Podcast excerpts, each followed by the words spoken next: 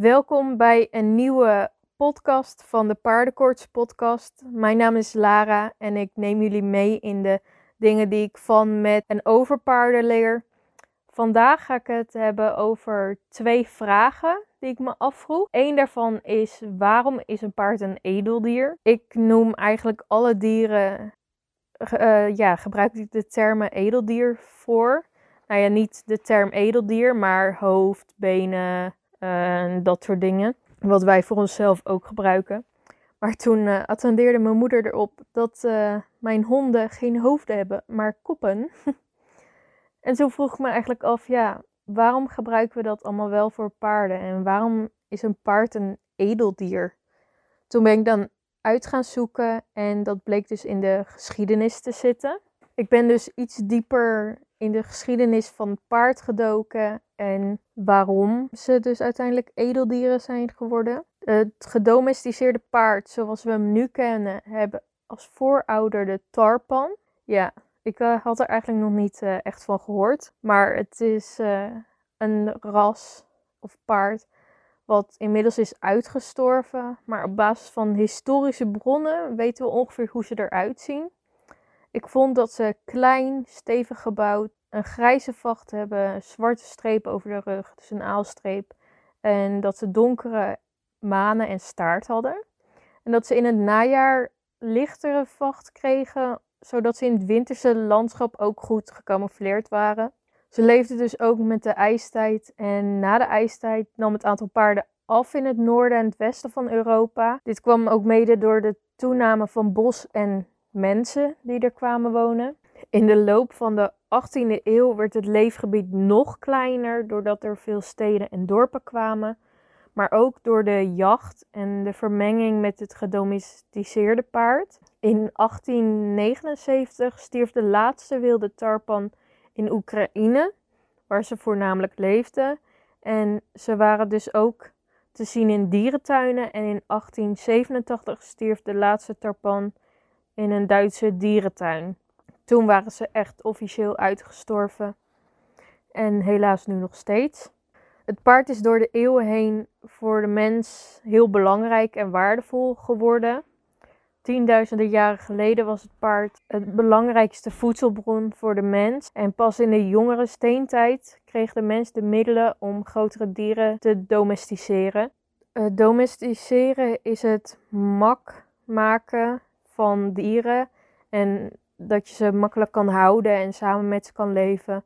Zo kan je bijvoorbeeld niet samenleven met een wolf, maar wel met een hond. En een hond is dan weer gedomesticeerd vanuit de wolf van vroeger. En door de evolutie is dat dan helemaal veranderd. Zodat ze nu met ons samen kunnen leven zonder ons dood te maken, laat ik het zo zeggen.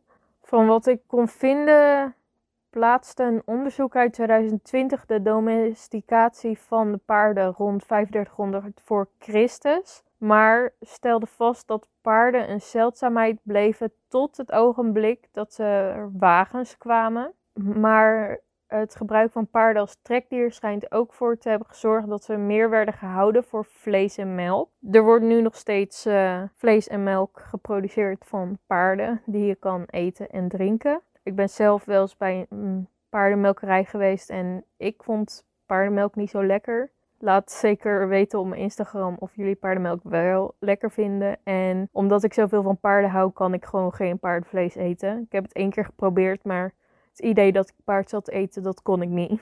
Uh, geruime tijd na het verschijnen van de eerste paardenwagens zou men gaan paardrijden. Dus ze zijn eerst gebruikt voor mennen, zeg maar, en daarna zijn ze er pas op gaan zitten. En dit was een beslissende stap in het nut van paarden als vervoersmiddel en zou ook het houden van grootschalige kuddes mogelijk hebben gemaakt. Zo kan je natuurlijk op de paarden uh, kuddes houden en ervoor zorgen dat ze met jou meegaan en niet uh, ergens uh, wegrennen, zoals je wel ziet in Amerikaanse films, weet je wel. Zie je zo op een paard zitten, op een ranch en dan met zo'n kudde.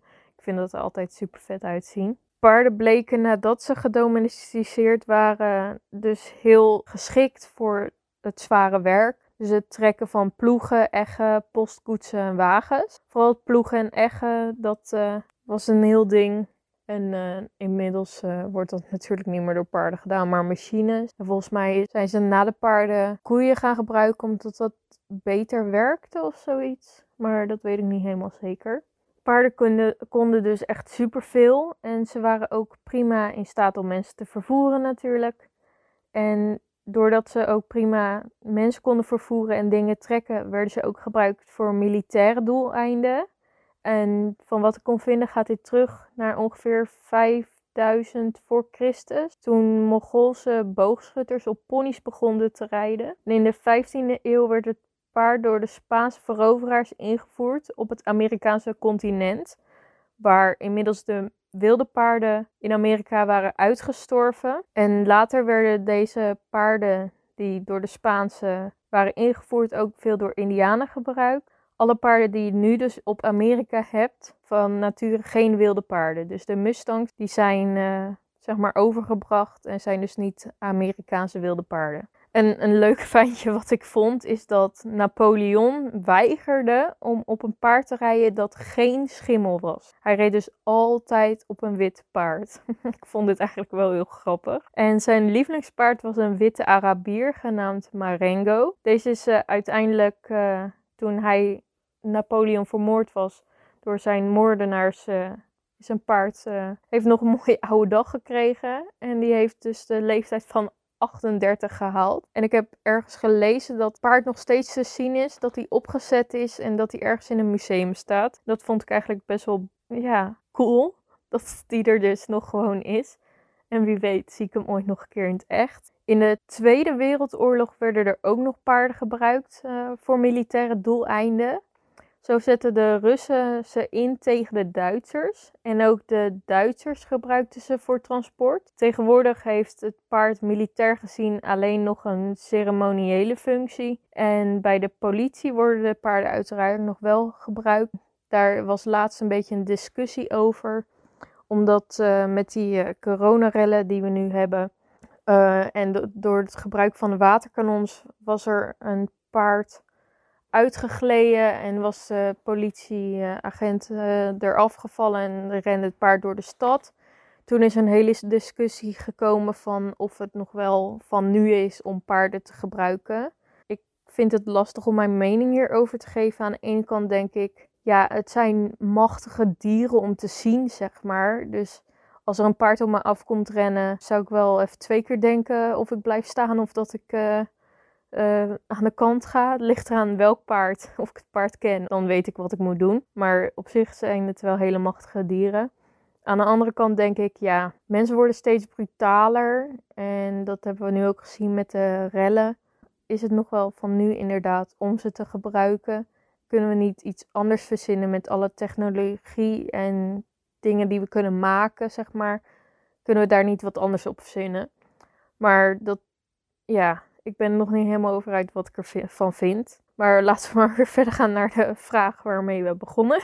Rond de middeleeuwen kreeg vooral de adel interesse in het paard. En daarom misschien ook edel. Ze werden ingezet voor jachtpartijen, races en andere uitjes. Ook ontstonden er rijscholen om te leren paardrijden. En dit was ook best wel duur, dus vandaar dat alleen rijken dit konden. En de adel bekwaamde zich in de hogeschool rijden. De mens van adel ging in die tijd spreken over hoofd, benen en mond. En dat is eigenlijk dan ook door iedereen overgenomen tot op de dag van vandaag. Het paard is dus eigenlijk door zijn werk voor de mens als edeldier uitgesproken. En omdat het een, eigenlijk een rijke luisport werd en eigenlijk nog steeds wel is, hebben ze het ook een edeldier genoemd. Ik vond het interessant om dit uit te zoeken.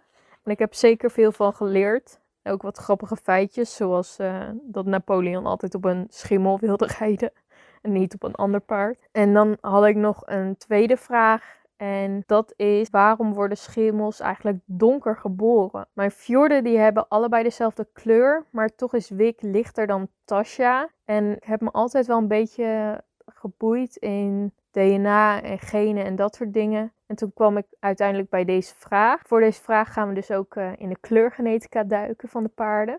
Als eerste even wat basiskennis over DNA en genen. DNA zijn de bouwstenen voor alles wat leeft. En genetica is feitelijk een verzamelnaam voor de overerving van DNA, wat onder andere bestaat uit basen, allelen en RNA. En al deze elementen samen vormen een genetische code die voor elk levend wezen uniek is en ook het wezen uniek maakt. En niemand heeft dus precies dezelfde DNA-codes. Ik dacht altijd dat paarden drie basiskleuren hadden, maar het schijnen er dus maar twee te zijn. En dat is de kleur zwart en de kleur vos. En vanuit die kleuren heb je weer kleurvarianten, verdunningen, kleurfactoren en witpatronen.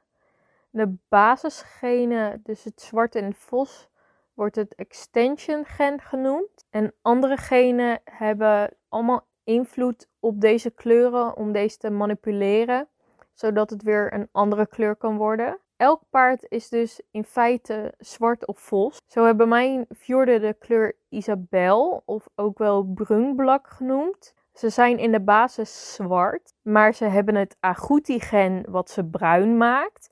En daarbij hebben ze nog het dun-gen, wat een verdunning is. En deze maakt de bruine kleur weer Isabel. Een beetje ingewikkeld, maar ik vind het heel erg interessant. En het dun-gen zorgt er dus ook voor dat de aalstreep en de zebrastrepen komen. En daardoor wordt dun ook wel wildkleur genoemd. Ik kan hier heel lang over praten en misschien is het een idee voor een andere podcast. Maar we hadden nu de vraag waarom worden schimmels donker geboren? Dus we gaan nu verder op het schimmelgen. Een paard kan alleen maar schimmel zijn en worden als een van de ouders ook schimmel is. Dus of de moeder of de vader moet schimmel zijn, anders kan het gen nooit doorgegeven worden. Het schimmelgen is een dominant gen en een modifier, waardoor het paard nog zoveel kleurengenen kan hebben, maar als het schimmelgen aanwezig is, zal het paard altijd wit worden. En een modifier is een gen dat een ander gen bewerkt, dus dat maakt eigenlijk dat een schimmel in een van de basiskleuren wordt geboren en in de loop van de jaren steeds witter wordt. Hoe snel dit gaat verschilt per paard. Sommige schimmels zijn binnen twee jaar al wit, terwijl andere hun hele leven erover doen. En bij sommigen gaat het zo langzaam dat het schimmelgen wel eens over het hoofd gezien wordt. Wil je dus zeker weten welke kleur je veulen is, dan moet je genetica onderzoek doen, waarbij er gekeken wordt welke genen er aanwezig zijn. In het kort kan je dus zeggen dat schimmels donker geboren worden omdat het schimmelgen een modifier is en langzaam het pigment uit de haren haalt, waardoor het paard wit wordt. Ik vond het zeer boeiend om dit uit te zoeken en ik vond het ook grappig om uit te zoeken dat mijn fjorden dus eigenlijk zwart zijn, maar door twee andere genen zijn ze heel licht. Ja, dat zwarte haal, zou je er nooit uithalen. Ja, misschien omdat ze in hun manen zwart hebben. En in hun staart. En die aalstreep. Maar uh, verder. Ik ben dus uh, ook benieuwd uh, of jullie weten welke basiskleur jullie paarden hebben. En of jullie willen dat ik hier een hele podcast over ga maken, over die kleurgenetica. Ik vind het zelf interessant en wil er zeker eigenlijk wel meer van leren. Laat me dat dus zeker weten op mijn Instagram, de paardenkortspodcast. Of op het Filaro wat je schrijft als V-I-L-A-R-O. Laat dan ook zeker weten wat jullie van de aflevering vinden. En natuurlijk of je dan meer wilt horen over de kleurgenetica. Ik vond het leuk om deze vragen uit te zoeken. En ik heb zelf dus ook super veel van geleerd. Hopelijk jullie natuurlijk ook. En dan ben ik er volgende week weer met een nieuwe podcast. Doei!